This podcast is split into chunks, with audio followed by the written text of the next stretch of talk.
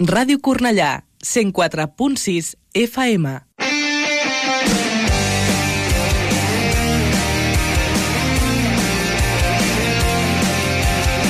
Ara comença l'Esport al punt. Tots els dilluns a les 9 del vespre a Ràdio Cornellà.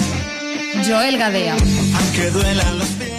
Què tal? Benvinguts i benvingudes a l'Esport al Punt. Bona nit, estic il·lusionat, no us enganyaré. Aquesta temporada em feia molt de respecte al principi al Sant Ildefons. Un descens i tot el que això comporta. Dubtes, dubtes sobretot. I durant la temporada doncs anava moments i creia, però els dubtes continuaven. Però aquest equip, ai, aquest equip, si és que mai decepciona. Ascens petit, com sempre, perquè si no, doncs no seria el Sani. I de tornada ja, primera catalana. Ara sí que ho podem dir ben alt, el Sant Ildefons és de primera catalana i en part en molta part gràcies a Ivo. Ja no continuarà com a entrenador, però sempre quedarà com el líder de la temporada en què el Sani va tornar. Ara, temps per treballar a l'ombra i refer un equip que ha de competir a primera catalana. Per la permanència, clar, de partida. I a partir d'aquí, doncs créixer. Temps de renovacions, com les de Joan Valls i Sergio Vacas, pilars fonamentals. I ara amb Miguel García Villarejo al capdavant. Si mai sabeu de qui no dubtar, no dubteu mai del Sani, mai fallen. I sempre deixen oberta una porta ben gran a la il·lusió. Aquests són els titulars del cap de setmana a nivell esportiu.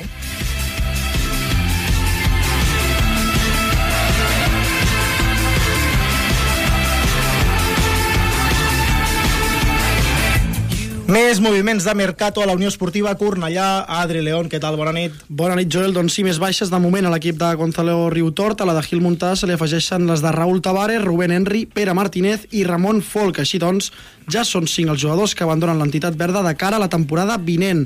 Estarem pendents, això sí, dels propers moviments, a veure si podem explicar alguna alta abans que acabi el curs. Ho veig complicat, això de les altes. També canvis al planter del Sant Ildefons. Òscar Ieste, què tal? Bona nit. Bona nit, Joel. Primers moviments a la plantilla del Sani després de la sortida d'Ivo i de l'arribada de Miguel García Villarejo. El capità Joan Baix, Arnau Alonso, Arnau García, Giancarlo Vázquez i Sergio Vacas, el pitxitxi de la categoria, seguiran una temporada més a l'equip de Cornellà.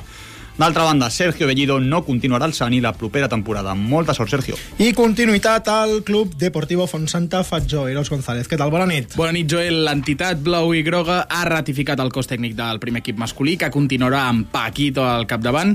Projecte continuista després dels bons resultats des de la seva arribada. Per intentar l'ascens, aquesta segona catalana que se'ls ha resistit aquesta, aquesta temporada. Carce continuarà com a segon entrenador i Manuel Osuna com a delegat. I ja tenim gairebé aquí la cursa de la nit que organitza Corres Solidaris. Cristina Moreno, què tal? Bona nit. Bona nit, Joel. Aquest proper dilluns, 1 de juliol, es torna... Dilluns.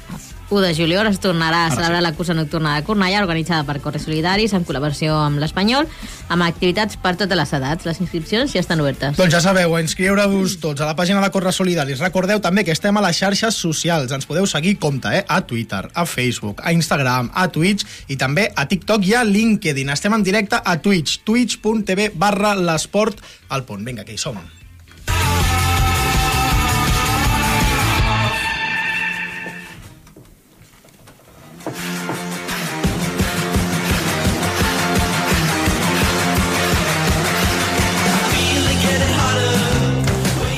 Hem canviat una mica la música avui, Adri. Avui sí, però... Perquè ja s'acosta l'estiu, hem de renovar cançons. Per cert, com aneu de cançó de l'estiu?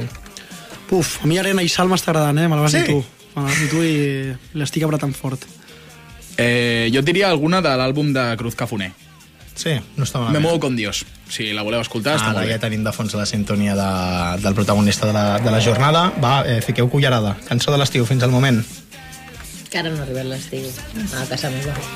Queden dos dies, eh? El- Perquè el comenci termòmetre el sí, eh? solstici. A casa meva, dic, no. Una de calor, eh, la setmana que ve. Un moment que entra a Spotify, imagina. Fantàstic. bueno, aviam, mentre ja este fa Los gestions... de l'espacio m'agrada molt. Eh, no està gens malament, eh? Polaris Remix, eh? També, Mm, però... no m'ha agradat està- gaire, eh? està- Ja està al top. És la primera que sortia a la llista. No m'ha agradat gaire, eh, Polaris? Però el de l'espacio m'agrada. El remix no m'agrada. m'ha agradat. Vale, està bé, està bé, està bé. Me les apunto totes. Adri, va, què tenim avui? Protagonista de la setmana, doncs mira, aquesta setmana tornarem una miqueta als protagonistes habituals, que la setmana passada vaig fer una mica d'excepció aquí amb, amb els companys, vaig portar una pilota així, ara li vaig començar a votar, amb, amb el Cris, amb l'Eros i amb el Joel. Superjefe. Avui sí que tenim un protagonista normal i corrent, per dir-ho així, i es diu Sergio Vacas, ja crec que el coneixeu pràcticament tots. Doncs bé, eh, l'autor en aquest cas de 24 de les 61 dianes del Sant Ildefons aquesta campanya 2022-2023 a la segona catalana, 39 100% dels gols de l'equip, que m'ha ajudat abans a calcular-ho la Cris, molt agraït, amb, eh, renova amb l'entitat de Cornellà, i ho ha anunciat fra, precisament farà una hora i mitja, dues horetes al club per xarxes socials, per tant, Sergio Vacas continuarà l'any vinent amb els nostres eh, jugadors i la nostra plantilla del Senyil de Fons a la primera catalana, recordem que l'equip ha aconseguit l'ascens, com comentava també el Joel abans, i fem una petita pinzellada del que ha estat la temporada de Sergio Vacas, a la Lliga regular 14 dianes en 16 jornades, eh, 0,7 gols per partit, 10 dianes després a les 10 partits de la segona fase, per tant, un gol per partit al tram decisiu de la temporada, per tant, déu nhi a la segona meitat de temporada que ha fet el Sergio, i per tant, 24 dianes en 26 jornades, el que equival a 0,92 gols per partit. Um, esperem que faci una gran primera catalana, de moment la gran notícia ja la tenim, i ja que hi som, llenço jo a l'aire la pregunta, um, estem a 19 de juny, però mm -hmm. quants gols creieu que farà Sergio Vacas a la 23-24? Jo dic 17. Està pensant 16, tu, Jo no va dir eh? 15. Bueno, doncs diré 16, va. 13. 11. Opa, Ah, però si Cristina. sempre més optimista, què ha passat aquí ara? Bueno, perquè sempre em diu que sóc massa optimista mm. i jo crec que hi haurà... Us heu més canviat els davanters. papers, eh, ara? No, hi haurà més davanters, hi haurà més gols i ja està. No està malament, eh? No està malament. El protagonista de la jornada és Sergio Vacas, l'home gol, el, un dels pilars fonamentals del Santil de Fons, que es queda a primera catalana per seguir perforant les xarxes dels eh, rivals. Enhorabona, Sergio, tu passaràs bé una temporada més al Sani.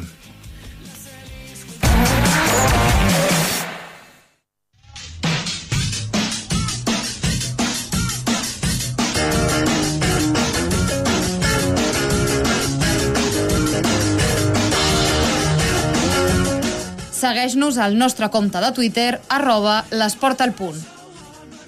És moment per començar a parlar del futbol d'aquesta ciutat, de la Unió Esportiva Cornellà, del Sani també. Avui tindrem protagonistes de tots els colors, eh, aquí a l'Esport al Punt, però vaja, Adri, comentaves els titulars, eh, ja tenim carrusel de baixes a la Unió Esportiva Cornellà. És habitual, abans que comencin les arribades, primer s'ha de deixar sortir, i venen les primeres eh, remodelacions a la plantilla de Gonzalo Riutor, fins a 5, no? M'has comentat? Fins a 5, correcte. Uh, la última, de fet, eh, si no m'equivoco, és la de Rubén Henry, que torna a l'Andorra després d'aquesta temporada de sessió al, al Cornellà. Uh, 30 partits, uh, 6 gols. També tenim la de Raúl Tavares que comentàvem, també una temporada, 34 partits, ha jugat 1.820 minuts. I uh, dels darrers que han sortit també, a Pere Martínez, uh, segona etapa al club, uh, ja el coneixem Sí, aquí, sí, ell sí. conegut de, de l'entitat. Ha jugat 19 partits amb uh, 621 minuts i un, un gol, bastant decisiu uh, també. I uh, Ramon Folk, en aquest cas, una temporada també, 26 partits, 100, 1.156 minuts. No deixen de ser també jugadors que han vingut a jugar només una temporada Sí. i que podrien ser sortides també doncs, uh, a priori esperables, per dir-ho així.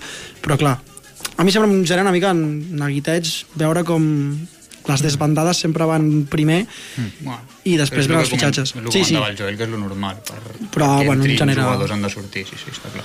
A més, Pere, eh, que va marcar un autèntic golaç el dia del Numància. Sí, eh? sí, històric. Mare de Déu. Que portava moltes temporades aquí ja a, a la Unió Esportiva Cornellà. Eh, és un tema important també l'aspecte del camp, el camp on jugarà la Unió Esportiva Totalment. Cornellà, perquè en diverses ocasions Gonzalo Riutort ha comentat que el fet de jugar al camp de l'Espanyol, a l'RCD Stadium, El front stage, no? Ara Front Stage Stadium, sí, eh, va condicionar la confecció de la plantilla. És a dir, s'havia de buscar un perfil de jugadors diferents als que s'havien acostumat a fitxar per jugar al nou municipal. Per tant, amb aquesta incògnita, tu no pots fer del tot encara la plantilla de l'any vinent sense saber on jugaràs. No, no, no. Òbviament no és el mateix jugar al nou municipal amb unes dimensions molt més petites on potser busques un perfil de central i davanter eh, molt més alt, molt més contundent, sobretot en el joc aeri, que a un camp de l'Espanyol on busques segurament un perfil més associatiu com podria ser un davanter com Rubén Henry, no? que també és un bon rematador però s'associa molt bé. Escolta, què us sembla si sumem una veu més a la tertúlia de futbol avui? A més, una veu autoritzada més. Ara parlàvem precisament d'ell. És uh, uh, ja exjugador de la Unió Esportiva Cornellà, és el Pere Martínez. Pere, què tal? Bona nit, com estàs? Hola, buenas noches. Escolta, eh, primer de tot comencem repassant una mica el que ha estat la, la temporada. Eh, ja ens anirem sumant les veus i convertint això en una, en una taula d'opinió. Eh, quina salvació agònica una altra vegada per la Unió Esportiva Cornellà, eh?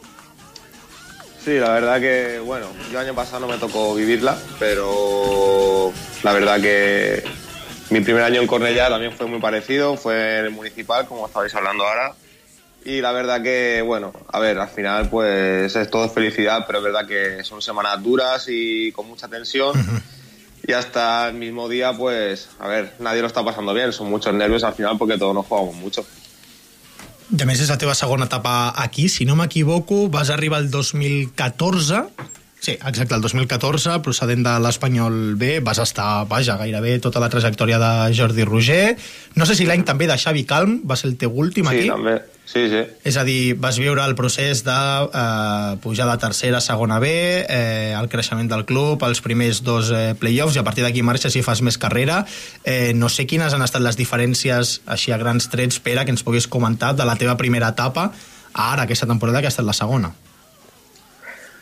Bueno, al final, como tú dices, como yo he vivido también la primera etapa, estuve cinco años seguidos, eh, sobre todo es ahí cuando noté el- que el club creció, porque al final cuando, cuando llegué era un equipo recién ascendido de tercera, bueno, con los recursos que tiene, que eran bastante pocos, y no es que ahora tampoco sea a lo mejor un club como puede ser el Deportivo, que tiene todas las facilidades del mundo, pero es verdad que el club ha crecido mucho eh, por dentro. Entonces, bueno, ahí está también en primera federación y luchando por ascender a segunda A como años atrás, pues por algo, porque el club también está creciendo por dentro.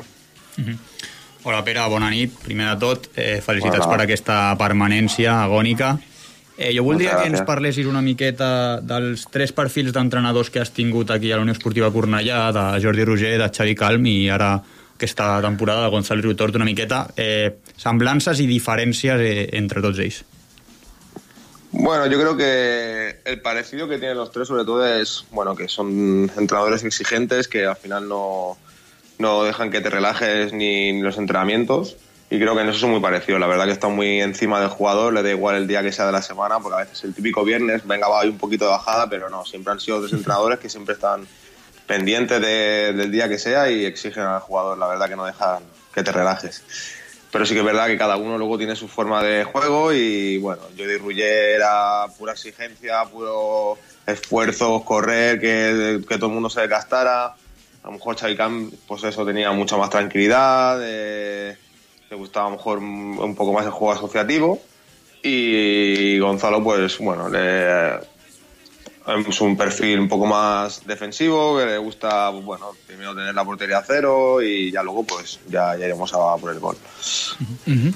Pere, eh, felicitats primer per la permanència, com ha comentat abans el meu company Òscar. Eh, et volia preguntar, Gràcies. Marques un golaç a l'últim partit contra el Numància, eh, amb l'esquerra, increïble jugada ma maradoniana, et vas posar el 10 per un moment i vas fer aquí gol. Eh, ho, ho tenies previst? Clar, és que això als entrenaments no es prepara, però tu ja havies visualitzat aquesta jugada abans del partit o no? Nada, mira, eh, antes en, en el hotel, el mismo día, eh, estaba con, con Carlos Redru y con Eliseo y le dije, hoy voy a meter gol. O sea, tenía claro... que no- Buenísimo. de verdad, era clari- o sea, tenía muy claro que me... Pero claro, tampoco me imaginaba hasta cierto gol. Yo pensaba la mítica que te cae por dentro del área, igual que contra el Sporting. Sí, su claro. día. Sí. Sí. Y bueno, pues mira, me salió este chute y, y yo ni lo vi porque me caía al suelo y solo escuché gol y ya no estoy Hòstia, quina llàstima, eh? Golaç que sí que sí. no el puguis veure, eh, hòstia. Sí, sí, Eh, marques aquest imagines? golaç. Va, el Redru també en sap, eh, de fer golaços, que hi ha Sí. alguns marca de la casa aquí a Cornellà. Sí, Eh, sí, sí. Pere, jo també em volia fa- sumar la, la felicitació per aquesta permanència tan, bueno, tan treballada i al final tan patida. Volia anar una mica més enrere de l'Eros, eh, just després de la jornada del Nàstic, on perdeu a, al nou estadi per 1 a 0. No sé com es troba l'equip en aquell moment, però m'agradaria que m'expliquessis eh, com aixequeu la situació i sobretot com, quina conjura fa el vestuari per aconseguir aquestes últimes victòries que han sigut eh, les que han valgut una permanència perquè de no haver-les aconseguit estaríem a, a segona ref. Bueno, a ver, eh, fueron semanas, la verdad que muy duras, porque al final estuvimos muchas jornadas sin ganar y bueno, al final pierdes un partido, pero vas pensando que, que el siguiente vas a ganar y el siguiente vas a ganar, porque al final, bueno, dices, por estadística, un día tengo que ganar. Y al final el equipo pues estaba entrenando bien, es que no era que el equipo se veía mal día a día. Pero bueno, es verdad que lleguemos a la después, como tú dices, después del partido contra el Nastic y la verdad que la situación fue jodida porque hay que ser también un poco claro, nos, nos veíamos irrealistas, nos veíamos más descendidos en ese momento que salvados porque claro, ya tenías que ganar dos partidos seguidos y, y en esta categoría es muy difícil ganar. Y no habíamos ganado ni un partido en 10 partidos y claro, ya tenías que ganar los dos que te quedaban. Y bueno, pero a ver, al final es fútbol y saquemos el primer partido contra el Sabadell en casa, que la verdad que estuvimos muy bien. También es verdad que a lo mejor el punto de relajación del Sabadell también se puede anotar, porque ellos venían salvados. Y bueno, ya pues contra Numancia fue una final y creo que preparamos el partido bien, creo que estuvimos como tuvimos que estar allí y se dio que salió todo rodado, la verdad. Home, contra el partit contra el Sabadell va ser un tros de partit, evidentment, però relaxació no diria tant. Jo recordo el minut 80, el seu porter pujant a rematar un córner, aleshores va ser uns 3 punts molt, molt meritoris. Ui, tant. Sí, sí, sí, sí. sí. Mm -hmm. Escolta, Pere, eh, Golàs al camp del, del Numància, un dels dos que val la, la permanència, i, i ara marxes després d'una temporada. Per què? Com és que, que ara marxes de, de la Unió Esportiva Cornellà? Bueno, al final hay que ser realistas y tampoco hay que dejarse la venda a los ojos. Al final, a nivel personal, para mí también ha sido un año duro, tanto por el equipo como, como para mí. Al final, un jugador lo que quiere es jugar. Y si no juegas, pues o, o una, o el mister no le gustas, o por lo que sea, pero yo lo que quiero es jugar y me da igual ahora mismo qué es lo que va a pasar, el- no sé dónde voy a acabar, pero yo lo que quiero es jugar. Al final es lo que me gusta y no me veo otro año en Cornellá si no voy a jugar. Porque Ya. claro, soy, soy realista y sé que si no juego este año es porque el mister mm, a lo mejor no, no le gusto. Uh -huh. O sigui, has dit que a hores d'ara encara no tens eh, res tancat, però tens alguna cosa? T'imagines més o menys per, per on aniran les, les coses o què? No, no, no, no, o sea, no sé por dónde va a salir la cosa, la verdad, porque me gustaría decirte algo, pero es que a lo mejor te digo una cosa y es que el fútbol como cambia de la noche al día, Bueno, tampoco... que estem a 19 de juny, eh? Sí, sí, Queda encara, encara queda molt marcat, eh? Sí, sí, eso es verdad. Queda Pero bueno, al final también uno quiere también siempre solucionar su futuro cuanto antes, porque si vas dejando estirar los días, pues como que vas sufriendo un poquito más. Pero bueno, a ver cómo acaba. Es verdad que está el mercado un poquito parado también, Sí. porque bueno, voy hablando con mis compañeros y, y tampoco veo que se van colocando, pero bueno, ya, ya, ya nos tocará a todos, supongo. Has jugat molt aquí a la cantera de l'Espanyol, també al Cornellà, al Llagostera, al Costa Brava... Eh, ara que et demana el cos, eh, aquí a, a casa o tornar a voltar, que també has estat al Burgos, al Majadahonda... Sí, a ver, es complicado cuando ya tienes hijos y familia, pues bueno, al final yo nunca descarto salir fuera, o sea, porque al final ya digo, lo, es lo que me gusta y en mi vida y hasta lo que pueda jugar lo voy a hacer y me da igual que sea aquí que fuera. Pero obviamente al final, pues cuando tienes un equipo de fuera siempre pues coges la balanza y ves lo que es mejor para ti. Así que bueno, veremos qué pasa.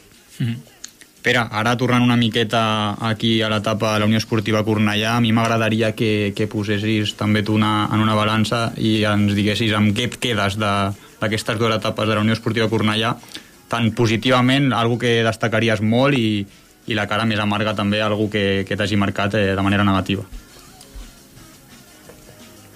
Bueno, al final yo la cara positiva de Cornellá es que siempre lo he dicho, eh, a nivel vestuario, yo he sal- he salido fuera y verdad que he estado a gusto con los compañeros, pero en el nivel a nivel familiar que hay en el club, no sé cómo lo hacen, pero siempre es verdad que coincidimos 22 eh, chicos ahí que es que parece que nos conoz- conozcamos desde siempre, somos como familia y, verdad, acabamos de, de entrenar y si hace falta nos vamos a tomar una cerveza todos juntos, quedamos para comer, a nivel personal con todo el mundo siempre muy bien. Al final, cuando he estado fuera, lo que te digo, echa siempre de menos el, vestuario de Cornellá, siempre, es, es como una familia y la verdad que eso es único, porque el día a día es muy importante también con los compañeros. Que, Pere, també volia aprofitar per preguntar-te, eh, parlàvem abans de les diferències de la teva primera etapa al Cornellà i de la, de la segona. Eh, tu aquesta temporada també has pogut veure el canvi de jugar al nou municipal, aquell fortí on el Cornellà es feia molt fort en defensa, on els rivals que venien mm, les passaven negres, negres, perquè sabien que, que allà que podien guanyar però havia de ser de, de, de casualitat. I l'altra cara de la moneda aquest any a l'RCD Stadium, al camp de l'Espanyol, gairebé aspecte molt buit, sempre teníeu els vostres aficionats, que eren més o menys els que ja anaven al nou municipal, però l'aspecte de la grada era fins i tot eh, fred, dimensions molt diferents, molt més grans. Com ha estat aquesta temporada de, de jugar al camp de l'Espanyol? Ho heu notat tan estrany vosaltres com la gent que hi ha anat a veure els, els vostres partits?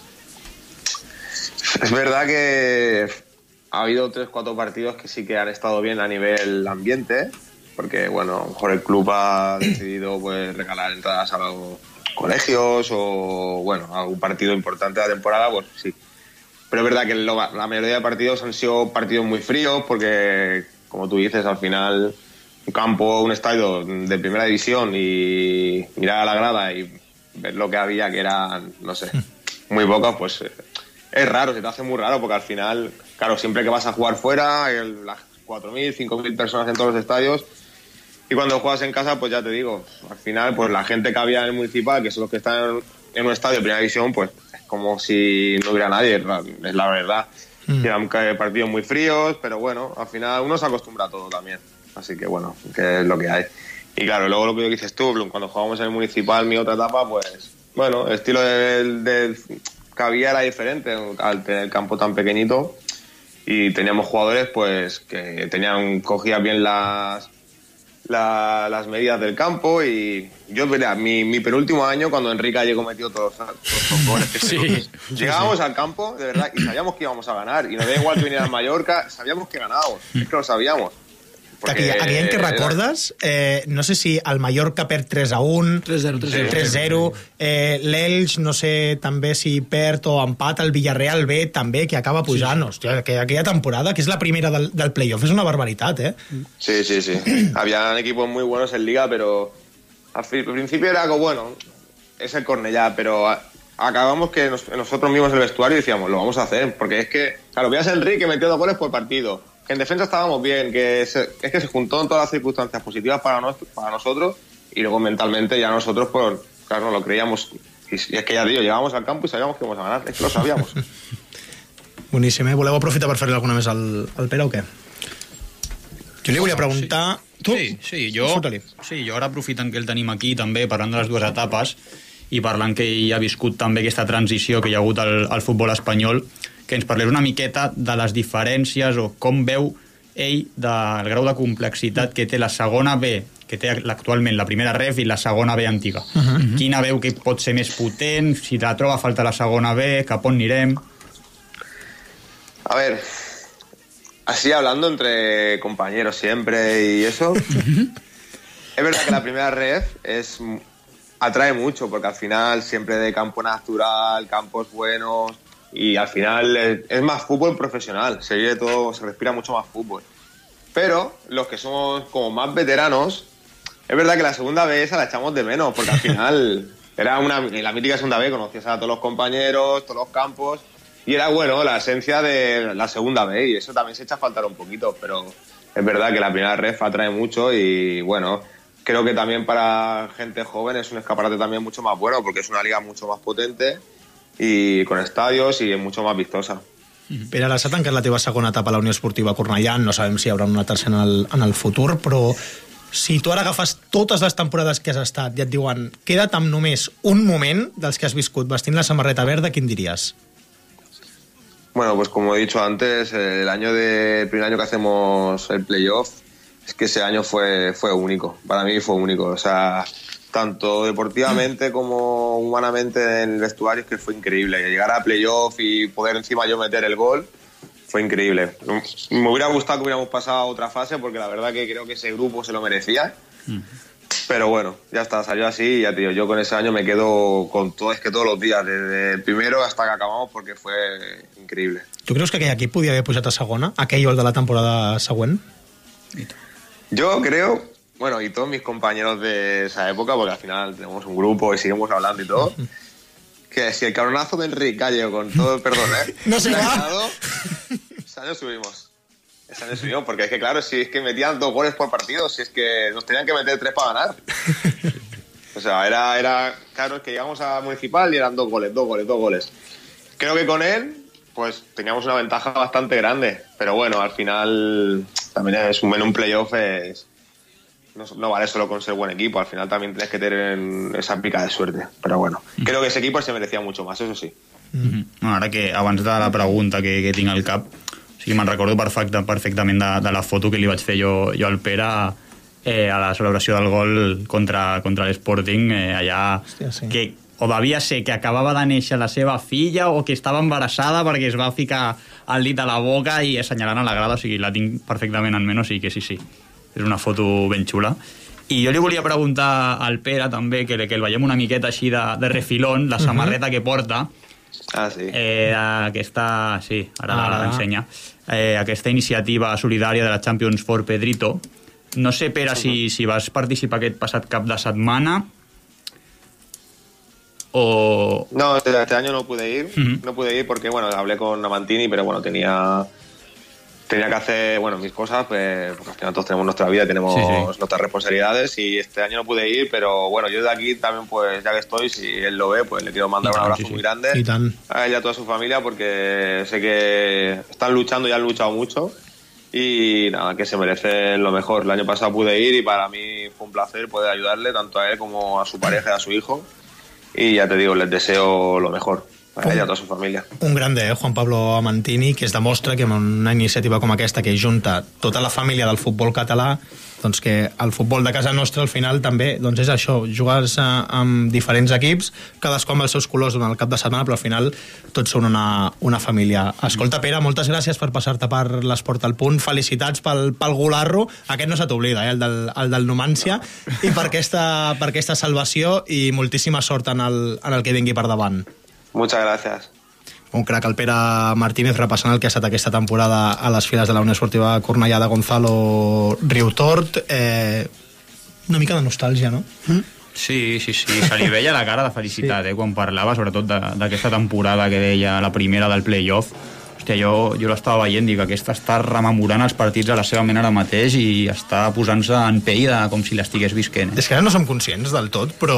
Eh, Eren hem, avions. Hem viscut la millor època de la història de, de la Unió Sí, Esportiva Cornellà, eh? Aquells dos anys, aquells tres anys, perquè clar, és que el de la pandèmia al final és el que estàs més a prop de pujar, però aquells dos play-offs, aquella Copa Federació, eh, aquell Copa partit Catalunya. contra la Copa Catalunya, el partit contra el Castelló a Màlaga amb les grades buides, que et quedes a un gol de pujar a segona... Mhm. -huh. O sigui, no sé si això ho tornarem a veure, eh? No, no. El, el partit, per exemple, del Nou Morvedre, a segon, que ja no torno a viure mai més, jo crec. Bueno, per, per que tot ja- el context que va, que va comportar allò, Allò per va ser exemple, història pura, eh? va estar increïble. El gol de que- Pep Cavaller, tio. Sí, sí. Sí, senyor. És que, clar, jo crec, també penso personalment, que a un club com la Unió Esportiva Cornellà li ha perjudicat el canvi de format, clarament. Sí. És molt més fàcil, i té molt de mèrit, eh, però és molt més fàcil jugar un playoff d'ascens en quatre grups que no en dos i amb els equips que hi ha actualment. Clar. Sí. És que jo crec que és el que hem parlat, hem parlat de diverses vegades. Eh? Eh, Es fa un tall a la segona B i els mm, 20-40 millors equips van tots junts a, a competir i la resta es queden a segona ref. És, mm, és, són els bons de segona B de tota la vida Sí, sí. i, i, I, els que cauen de segona, que dius, uf, Sí, i cada any són, són més competitius, hi ha més diners, hi ha apostes més fortes, però estic d'acord amb una cosa que diu el Pere, eh? eh, eh segona B tenia el seu encant, eh? Sí, sí, sí, està clar. Eh, a sobre és el que diu ell. Anaves ja a tots els camps, diu, deies tot, bé, Catalunya, València, Aragó, Balears, ja te la coneixies Sí, de memòria, sí, sí. i cada temporada anaves als mateixos camps. Per tant, eh, trobem una miqueta a faltar, perquè ara també que si divisió, que si ara partim en nord-sud, est-oest, cada temporada canvies de rivals, bueno, però una miqueta l'essència, sí, sí. Mira, continuem amb una miqueta més de futbol, va.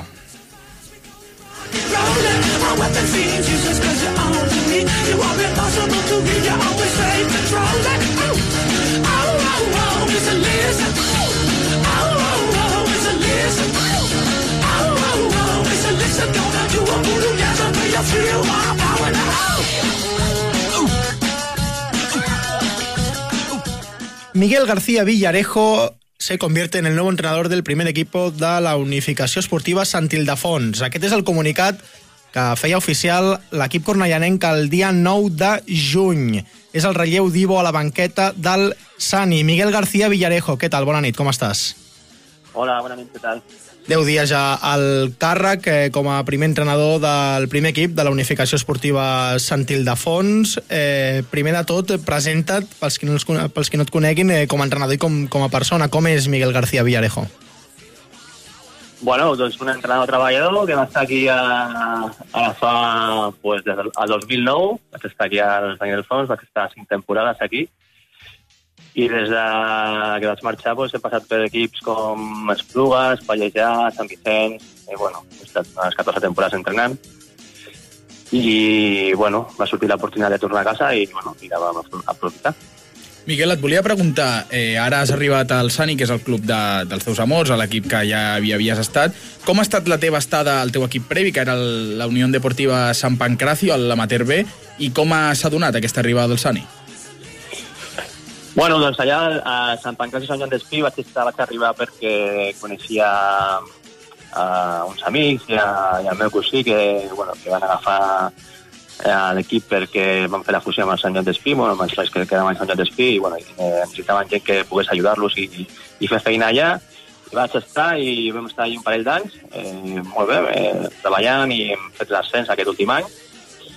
I, i res, sigui, un dia una trucada del Manolo eh, vam seure, vam parlar i, bueno, i també amb, el, amb l'Ivo eh, pues, bueno, vam quedar que ens tornaria a trucar i, bueno, i al final pues, va, ser, va sortir el meu nom i molt encantat de tornar a casa. A més, jo soc que soc d'aquí de Sant Ildefons des de que vaig néixer, pues, molt content.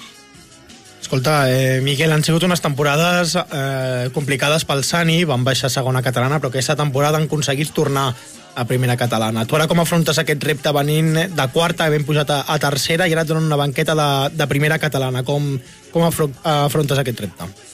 Bueno, a, a nivell personal, o sigui, sempre he tingut opcions d'entrenar a equips de segona catalana, però el que passa és que tinc dos nens molt petits i mai m'he- he donat aquest pas, no?, de, de vinga, va, nens d'un un i dos anys, tres i quatre anys, ara que són una miqueta més grans, doncs, bueno, eh, pues, bueno, vam decidir agafar-ho, acceptar i, i tal. Bueno, amb el de fons el problema és que, bueno, no, eh, encara que és un equip que al pool base pues, tots els equips estan a, estan a preferent, pues, eh, és complicat eh, competir amb, amb rivals que, que tenen pressupostos tan grans, encara que sigui la categoria de primera catalana. I llavors, bueno, eh, una vegada van baixar de categoria a segona catalana, pues, eh, bueno, eh, han fet una, una gran temporada, però un, un millor final encara, no? I llavors pues, això ha pogut fer que, que l'equip torni a primera catalana i bueno, l'any que ve pues, eh, competirem per no patir, eh, el primer de tot, no patir, i fer molts punts al, al principi de la competició i, i res, ser competitius. Això t'anava a preguntar. Ara amb la creació de la, de la Superliga, no sé si el repte primera catalana és un pèl diferent. Eh, no sé si esteu ja o us veieu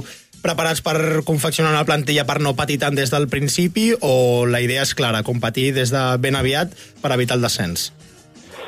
Bueno, eh, amb això que està també de la Lliga Elite, el que passa és que els equips, diguéssim, punters de primera catalana, pues, jugaran a aquesta lliga. Eh, llavors, això el que fa és que el nivell, en teoria, en teoria perquè tothom ara vol guanyar, tothom vol, vol pujar, en teoria el nivell no sigui el mateix que hi havia en aquell moment, no? que només hi havia la primera catalana. Eh, nosaltres, la, la idea que tenim com a club és mantenir la base aquesta d'aquests jugadors que hem posat per al juvenil de, del club, que són uns 14 jugadors, que tinguin aquesta identitat, que aquests jugadors que senten el, els colors, que senten a l'equip, al barri, que, que continuïn a l'equip i reforçar aquelles posicions que nosaltres creiem que, que s'han de reforçar per l'any que ve, pues, eh, ja dic, no, no patir, eh? no, no arribar a tindre aquest sentiment de patiment, sinó bueno, eh, fer punts el més aviat possible. Escolta, Miguel, el tema Gornal, eh, fins fa pocs dies no es va saber el, el desenllaç, es va reprendre el partit, finalment van, van guanyar, eh, partit del vostre grup, de la vostra fase de- d'ascens. Eh, com heu estat vivint vosaltres? Que això sí, ja teníeu l'ascens assolit.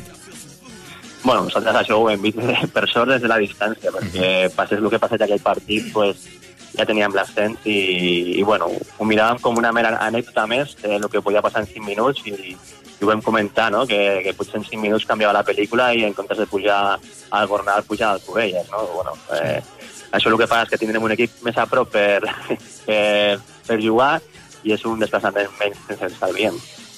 Mhm. Abans has comentat que la teva xerrada prèvia amb la direcció esportiva havies estat parlant amb Ivo i et volíem preguntar com és el teu estil, sobretot pels nostres oients que potser no et coneixen tant com a entrenador, si és una mica més continuista com l'Ivo o és molt més disruptor i més trencador. Bueno, d'entrada el que farem és, és treballar el nostre estil, o sigui, que no s'assembla no s'assembla molt al de l'Ivo, eh, diguéssim, amb el, posiciona- el posicionament de la planta de l'equip, però sí que s'assembla molt amb el, el que és el tema de, dels arguments, eh, diguéssim, de, dels jugadors a l'hora de treballar, de ser un bloc, de sentir eh, a l'equip, tot això pues, eh, ho continuarem fent perquè això és el que els ha portat a, a l'equip a, a, a pujar, no? Pues, en, què, pues, si potser l'Ivo jugava últimament amb cinc defenses, pues nosaltres potser juguem amb quatre, però això ho, ho tenim que provar, ho tenim que acabar de confeccionar perquè encara no han cap de plantilla, estem mirant i dependrà molt dels jugadors que tinguem. Precisament ara et volia preguntar per, pel tema mercato, fitxatges, eh, arribades, eh, sortides, no sé si ja estàs treballant en, en això. Bueno, eh, el que li hem donat més importància primer ha sigut a les renovacions, encara que, evidentment, hem estat parlant amb jugadors eh, i estem parlant amb jugadors per, per tancar. I, I sí que és veritat que, que bueno, ja hem avançat bastant en les renovacions. Eh, de fet, suposo que bueno, ja estarà anunciada, no he mirat avui les xarxes socials, però suposo que ja estarà anunciada la, la renovació de, del Bacas, que era molt important tancar-la. M'has tret la següent pregunta, mira.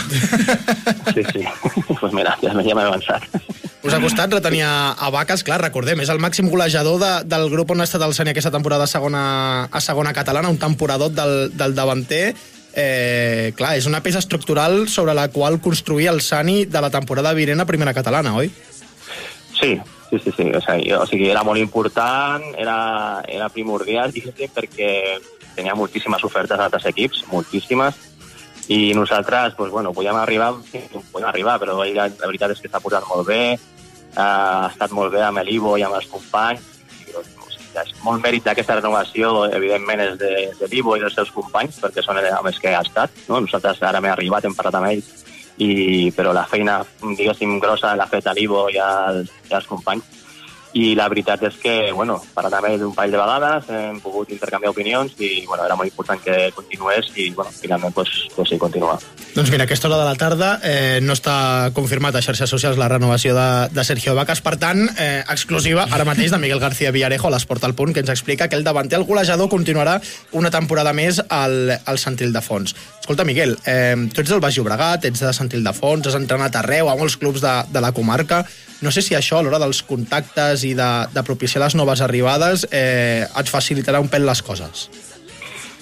Doncs sí, eh, perquè portem molt de temps eh, al futbol i coneixem molts jugadors, evidentment, i eh, això ha facilitat que, diguéssim, la tria sigui més ràpida, no? Eh, hem pogut eh, mirar el que volíem i, i, bueno, i això ha facilitat bastant el, el tema, no? O sigui, conèixer, conèixer jugadors aquí és correcte. I et volia preguntar, fent referència a les renovacions de Sergio Vacas, que era importantíssima, una altra renovació també que és clau és la de Joan Baix, el capità, que és tota una institució al Seny del Fons. Com és, com és per, per vosaltres com a equip tècnic retenir a un de, dels talents i un de, dels capitans de, de l'equip? Doncs mira, amb el Joan va ser amb els, un dels primers que vaig poder parlar. El Joan el conec des de que era a l'Evi, perquè quan jo estava per aquí, l'any 2009 ja estava per aquí jugant i jo ja li vaig comentar que li vaig atar les botes alguna vegada quan era petit, o sigui que ja ens coneixíem. I, bueno, la veritat és que la conversa amb ell va ser molt, va ser molt fàcil, la renovació. O sigui, no, evidentment, és un jugador que sent molts els colors, que sent molt el club, que està molt arrelat aquí, que a més és, és el capità, no? I diguéssim, com a tal, des de que vam parlar, pues, hem intercanviat missatges per a veure en, en què es podia ajudar, què, què podia fer, o sigui que això és molt important i, i això de seguir. Fitxatges, arribades, renovacions, sobretot això és el que estem parlant. Miguel, eh, tu preveus que serà un estiu llarg a l'hora de tancar la plantilla o que aviat ja ho tindreu tot resolt? Home, doncs volem tancar-ho el més aviat possible, o si no, pues, deixar-te potser una o dues posicions, eh, però per lo que pugui sortir, però més que res per ja pues, per poder enfilar i treballar amb, amb el que et vaig comentar, no? de tindre eh, un parell d'opcions a l'hora de jugar, eh, com la que ha jugat a l'Ivo, que han funcionat molt bé, i també tindre una altra opció pues, eh, per si, per si tanquem jugadors que puguin jugar en altres posicions, pues, pues també tindre aquesta opció. Miguel, la última. El Sanís ja ha tornat eh, a primera catalana. Tu creus que és el lloc on es mereix estar al club? Jo crec que sí. Jo crec que si, si es continua treballant bé a la base, com es treballant bé, i, i si no vull ser pesat però ni repetitiu, però si quan comencem la lliga podem fer punts ràpid i que això a nivell emocional pues, als jugadors els, els porti aquesta empenta de vinga, estem aquí, no, no hem vingut per, per patir, hem vingut per estar aquí i jo crec que si això ho fem, pues, eh, jo crec que, que sí que sí, que ens hem de mantenir i estar aquí, i no un, sinó diverses temporades. Doncs Miguel García Villarejo, nou entrenador del Sant Ildefons, eh, enhorabona pel càrrec, benvingut i gràcies per passar-te aquesta estona per l'Esport al Punt. Espero que sigui la primera de, de moltes al llarg de la temporada vinent i qui sap si, si moltes més. Merci, Miguel. Vinga, a vosaltres, moltes gràcies.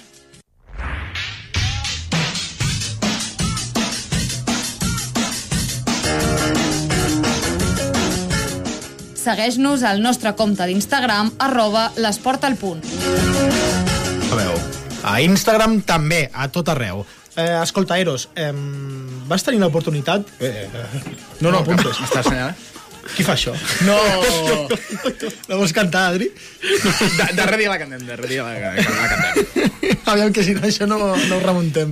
Eh, vas parlar amb Alicia Arevalo, Vaig amiga d'aquesta casa. Sí, sí, totalment, molt amiga. Sempre s'ha passat aquí per l'Esport al Punt, per parlar de Fontsanta, Mhm. però ara ha vingut per hablar de su llibre. No, per parlar del premi que li han donat com a... Mi- Eh, no, no, no té un llibre, però el podria fer de totes les experiències que, que ha obtingut i per ser guardonada amb el Premi a millor periodista esportiva de Cornellà que ha rebut aquest any a la Festa de l'Esport, el fa dos divendres, si no m'equivoco, Sí. i en context d'aquest guardó vam entrevistar a l'Alicia Arevalo i va ser un veritable plaer parlar del Mundial femení, de la seva retransmissió a Qatar, ser la primera dona a Ràdio Televisió Espanyola en fer una retransmissió d'un Mundial. History maker, eh, Alicia Arevalo? Exactament, i ha escrit les pàgines d'aquesta nova etapa del periodisme esportiu femení i per això l'he- l'hem entrevistat. Doncs vinga, aquí sentiu aquesta entrevista que li va fer Eros González a la gran Alicia Arevalo fa un parell de setmanes abans de rebre el seu premi a la Festa de l'Esport d'aquesta ciutat, de Cornellà del Llobregat. Avui ens visita Alicia Arevalo, eh, guardonada amb el Premi a Periodista Esportiva de l'any a Cornellà del Llobregat. Periodista, futbolista, són moltes les facetes d'Alicia i per això la tenim aquí perquè ens acompanyi i que parli una mica sobre la seva experiència. Què tal, Alicia, com estàs? Molt bé, i tu? Molt bé. Eh, primer de tot, felicitar-te per aquest grandíssim guardó. Eh, voldria preguntar-te què significa per tu aquest guardó. Bueno, significa un reconeixement a la petita carrera que he tingut. Eh, per mi és meravellós poder compartir tot això amb vosaltres i bueno, al final és fruit una mica de, de la feina de, de perseguir un somni i de lluitar perquè, pel que volia fer, que al final era fer periodisme esportiu i sobretot cobrir no, una mica el tema de, de l'esport en el món del futbol. Totalment, acabes d'arribar de fet de Madrid, de narrar la final de la Copa de la Reina, ara aquest dissabte ja tens la final de la Champions femenina, suposo que estaràs una mica agobiada, però com més aquestes experiències vitals per tu? Doncs mira, eh, significa molt. Per mi és la il·lusió de la meva vida, és sobretot narrar una final d'una Champions, amb el que significa tot això. Eh, sí que vaig narrar un Mundial, un partit al Mundial, però per mi una Champions femenina és el màxim al que jo volia aspirar i ja et dic, eh, una il·lusió feta realitat. Uh -huh. La teva trajectòria ja és un referent per moltes joves, per tot el jovent, de fet, de Cornellà al Llobregat, i et volia també preguntar quins consells els hi donaries als joves que volen exercir aquesta bellíssima professió. Doncs mira, els diria que ara mateix qualsevol pot ser periodista, Uh -huh. vale? però hem de saber diferenciar-nos d'aquelles persones que fan contingut a les xarxes i d'altres que som els professionals de la comunicació i que realment amb totes les eines que tenim ara mateix ho hem d'aprofitar moltíssim. I que si realment tenim un somni que ho perseguim perquè es pot aconseguir. Totalment, totalment, tota la raó. Eh, ara mateix també es presenta el juliol, està molt carregat la teva agenda, eh? es presenta el juliol eh, el Mundial femení, que jugarà a Austràlia i a Nova Zelanda, també seràs part d'aquest equip de retransmissions. Et volia preguntar si aquest Mundial creus que serà la consolidació definitiva del futbol femení o és més eh, el nou boom, un altre cop com va ser a França 2019? Doncs mira, jo em quedo una mica amb, amb les declaracions del president de la FIFA, de- d'Infantino, Mhm. que el que va dir va ser que estaven apostant molt pel tema del futbol femení, que estaven apostant eh, a nivell econòmic, el guardó eh, es multiplicava per, ara no recordo bé la xifra, però mm, es multiplicava moltíssim. Els premis, eh, tota l'aposta per part de la FIFA i inclús els drets eh, volen equiparar-los una mica a la quantitat que es paga pels drets en el Mundial masculí. Per tant, eh, volen doncs això, eh, professionalitzar molt el futbol femení i, evidentment, això no pararà de créixer. És cert, totalment. Infantino declarava que hi havia molts països que estaven interessats i estaven recanejant una mica amb aquest preu, aleshores fent aquesta aposta pel, pel futbol femení, evidentment. Eh, parlem una mica de la teva faceta més personal. Eh, compagines la teva faceta periodística amb jugar a futbol, jugues a la Fontsanta femenina. Aquest any us heu salvat, també felicitar-te per, per això. Eh, com compagines les dues facetes i si fas una mica de malabarismes, m'imagino que així. Malabarisme 100%. Malabarismes, no, realment és complicat. Eh, jo sí que, és sí que és cert que a final de temporada vaig tenir dos mesos i mig en què se'm va acabar el contracte a la tele i fins que no me l'han renovat fa, res, uns dies, eh, divendres passat me la van renovar, eh, jo he estat fora de la tele i en aquest moment sí que vaig aprofitar per venir a tots els entrenos, per venir a jugar, per dedicar-m'hi 100% al futbol. Però què passa? Quan has de compaginar la tele amb el futbol és super complicat i potser pots venir als entrenos però al partit eh, no pots venir Clar. o mm, pots venir al partit però falles dos entrenos i només vens a un clar, o no vens convocada o jugues eh, 10 minuts o fins i tot no jugues. Per tant, és molt frustrant perquè t'hi veus que no estàs al mateix ritme que la resta de companyes i que quan estàs tampoc estàs de veritat. I una mica també parlant això sobre el teu contracte que s'havia expirat i tal, eh, volia també fer-te una pregunta sobre mm, què n'opines de la precarització del periodisme actualment i més el perfil jove com, com som nosaltres. Jo també sóc jove. No ho semblo, però sóc jove també. Bueno, sí que és veritat que costa molt donar oportunitat als, als joves i que realment tenim molta, molta experiència eh, en pràctiques, en mitjans, quan comencem, estem estudiant i ja estem, ja estem fent eh, periodisme. El que passa és que no s'aposta per, per la joventut, no se li dona la, les oportunitats que potser mereixen i que realment som la gent que sabríem aprofitar el periodisme digital perquè naixem amb això, perquè hem crescut amb això. I crec que això s'hauria de potenciar molt i se'ns hauria de tenir molt presents. Uh -huh. Els oients de Ràdio Cornellà eh, et coneixen perquè t'has passat per l'Esport al Punt alguns cops i què seria, què, què és el que més pesa a l'Alicia Arevalo? A la seva faceta futbolística o periodística? Ara mateix em pesen les dues, eh? I sempre sí que és cert que em tira molt la, la futbolística, perquè tot i no poder, sempre intento estar. De fet, eh, no sé si ho heu vist, però he renovat fa uns dies amb la Fontsanta Fatjó. sí, ens hem assabentat. He tornat a la tele i he dit que sí que continuo. Bueno, veurem a veure com, com m'ho puc compa- compaginar uh, aquests dies, aquests mesos, però en definitiva m'agrada molt la meva feina, però per mi el futbol és eh, un, una via d'escape. Sí, totalment. I és més que retroalimenta la, la primera de la segona. En què creus que t'ajuda aquestes facetes en comparativa amb altres companys teus al sector?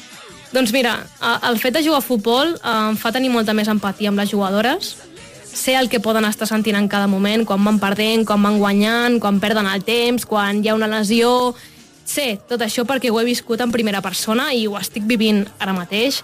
També a les xerrades tècniques abans de jugar un partit, doncs, totes les eh, explicacions, tota l'anàlisi que, que es fa, també m'ajuda molt a aprendre sobre futbol.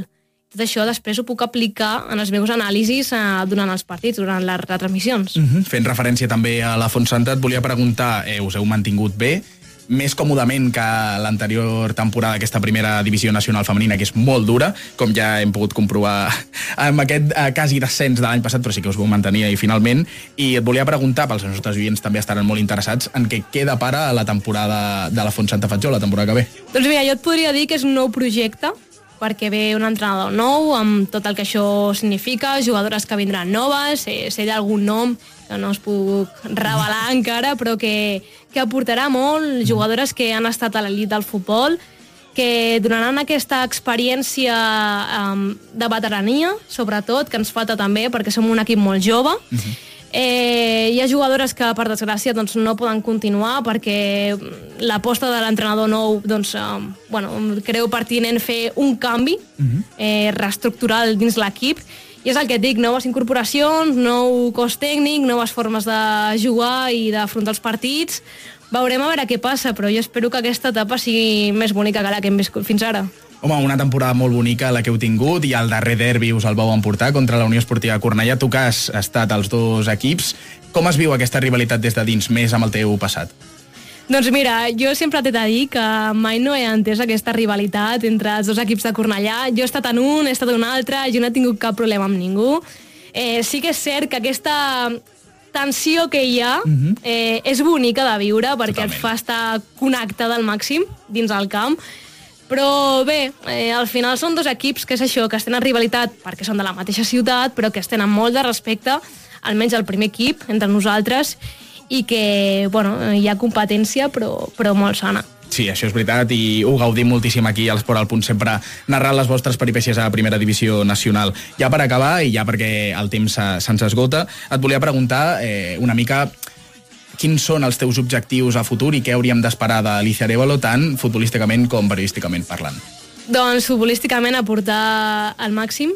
No et puc dir X gols o X assistències perquè no sé la quantitat de dies que podria venir o partits, però sí que donar el meu màxim i aportar que l'equip doncs, creixi, futbolísticament parlant, i periodísticament ja et dic que per mi el meu punt més alt a, a nivell d'il·lusions o somnis eh, és narrar una final d'una Champions. Espero disfrutar-la, espero que tot surti bé i res, a veure si portem la, la copa de tornada, no? Sí, esperem, esperem. Doncs, Alicia, moltíssimes gràcies per passar-te per l'esport al punt. Ja ho sabeu, nois, si voleu seguir-la, evidentment, eh, el seu futur és brillantíssim, tant futbolísticament com periodísticament parlant. Aleshores, segur que Alicia Arevalo donarà molt, molt de parlar. Felicitats per aquest guardó de periodista esportiva Cornellà de l'any. Gràcies, moltes gràcies.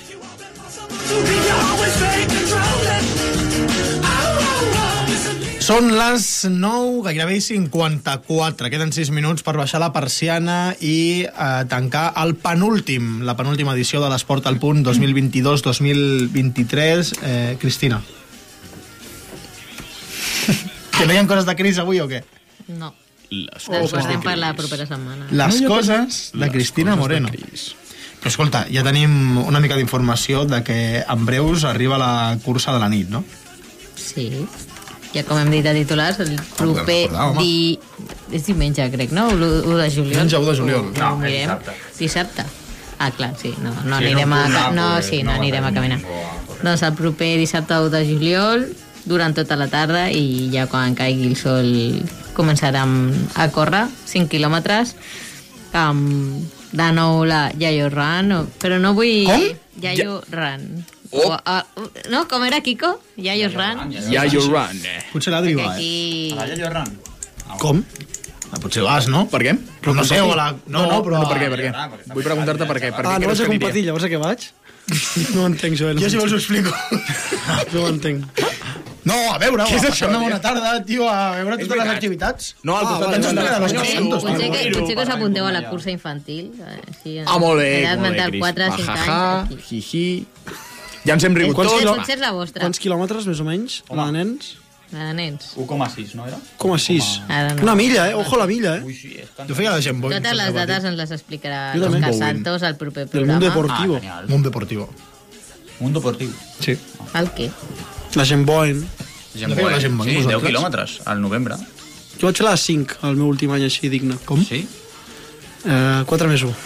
Jo, Bé, jo vaig fer la, la de la CCMA l'altre dia. Sí, què tal? Molt bé, la Has trobat veritat. cares conegudes de la CCMA? Sí, a Bernat Soler, que l'estaven entrevistant allà a la línia d'arribada. I per on es corria? Portia, portava bastant bona cara, la veritat. Eh, digue'm, El recorregut, que per on era, ja, Òscar? es sortia de Catalunya Ràdio i arribava a la TV3, tota la Diagonal, Ah. eh, Ah, fins a Joan d'Espí. fins a Sant Joan d'Espí, òbviament no per l'autopista, el Oh, sí. desviament. Jo t'he vist que ets molt ràpid, eh? Tu a 80 et pots posar, eh? Sí, sí, sí. Fàcil. A les 8 de mitja del matí complicat, eh, per això. I el del desviament per, per Esplugues, a Neslé, Sant Just i s'acabava a Sant Joan I a d'Espí. Barraca, eh? Correcte. Bon ritme o què? Bon ritme, bon ritme. 4.26, bon ritme. No, està bé, Està bé, eh? Van participar més de 5.000 persones. Així que, molt I bé. em van dir si volia participar, però... No? No t'agrada tu córrer, eh? No, sí, sí, m'agrada bastant, però tenia coses Però a és que el dissabte a nit tenia coses a fer, no passa res. Tu? No, tu. Que era de nit. Jo? Tu, no, no, Eri, però... però home, era diumenge a les 8, Ah, no, 8 que i mitja al matí. Matinar. Jo he matinat ja molts caps de setmana, com per ara que es torna a tenir lliure, es torna a matinar, És eh? que les haurien de posar totes a les 8 de Clar. la nit o a les 10 o... Clar, i talles el trànsit a migdia, està molt bé Sí, això. sí, sí. A migdia no és les 8 de la tarda. Que a les 8 de la tarda... Al O a les del 2 de la matinada. La vol Potser hi tancar a les, hauria 8, més gent a les 8 de la tarda, un diumenge a Barcelona vol tancar el trànsit. No, la gent que torni Ui, a fin de que torni dilluns. matí? Sí. Els playeros allà agafant Però el si cotxe no va ningú... Estava la diagonal buida. Clar, perquè estava tancada per És tot, raro, eh? no? Clar, jo anava avui en la moto per allà i dic, hòstia, aquí anava jo ahir corrents, eh? Quina, quina, onda, quina marca tens? És Honda? Mm. Això ja s'està... Va, què vols dir? No, que si tu fas a sobre? Si vols ser com- company de Marc Márquez, perquè aquesta... les vacances estan bastant... Escolta, nois, si ara us dic, eh, dieu una frase, tu què diries? Digues una frase. Una frase. La primera que se't passi pel cap, eh? Meravellosa minoria. Què diries? Quin és el context de la frase? És que... No, digues una frase, la primera Ja dit, ja dit. Ah, bueno, tens raó. Tinc gana. Tens gana? Sí. Joder, però si t'has fotut uns quicos abans, que, que tela. És que això és algo... Uns quicos, eh? Com Kiko Belinchón. Uns, uns gofres abans. O sigui, Ja vaya guapo. Bueno, tu una pulguita, eh? Falta la frase. Va, una no frase. tinc frase, jo. Ja està. Bueno, ja no, No, mira, jo no faré una frase, ara, ara me l'he pensat. Faré un gest. No sé si algú ho recorda, però fa referència a un club de, de Galícia. Hi ha un vídeo molt mític d'un aficionat quan es baixa de segona a, ta, a tercera categoria del futbol espanyol, Els a oients que segona B. estiguin escoltant això i ho reconeguin ho poden penjar a Twitter. Que serà en total de zero. TikTok, un viral... Viral de què? Per què ha de ser viral, això? És No, un perquè gest? estàs parlant en català, ho has de fer en espanyol. Quico, ens pots fer un primer pla, més o menys, a tots? Un gest. Jo no faré cap gest. ara. Un gest, eh, un gest al primer... O sigui, vinga, comences tu, fes un gest, un gest, mirant a la càmera, aquesta en concret, que és la teva. És la mia? Sí. Molt bé. Afable, Et toca, afable, toca, et toca, afable. et toca, un gest. Va, has fet aquest. Jo ja sé quin faràs. Fes-ho, fes-ho. Aquest és el gest? Hosti, verge santa. Ja està, fàcil. Així... I tu quin fas? Ah, molt bé! Opa! Molt bé, la història. Moment Acabem de premium. fer història i és moment d'anar baixant la persiana. Cap persona que ens estigui escoltant ara vámonos. mateix haurà desconnectat. Bueno, eh, ens estem plantejant tancar aquests últims 5 minuts a cada programa i fer-los per Patreon. Vosaltres sabreu? No sé. És una... Ho tenim sobre la taula. Eh, Adri, León, Eros González, Cristina Moreno, Òscar Yeste... Xau, xau.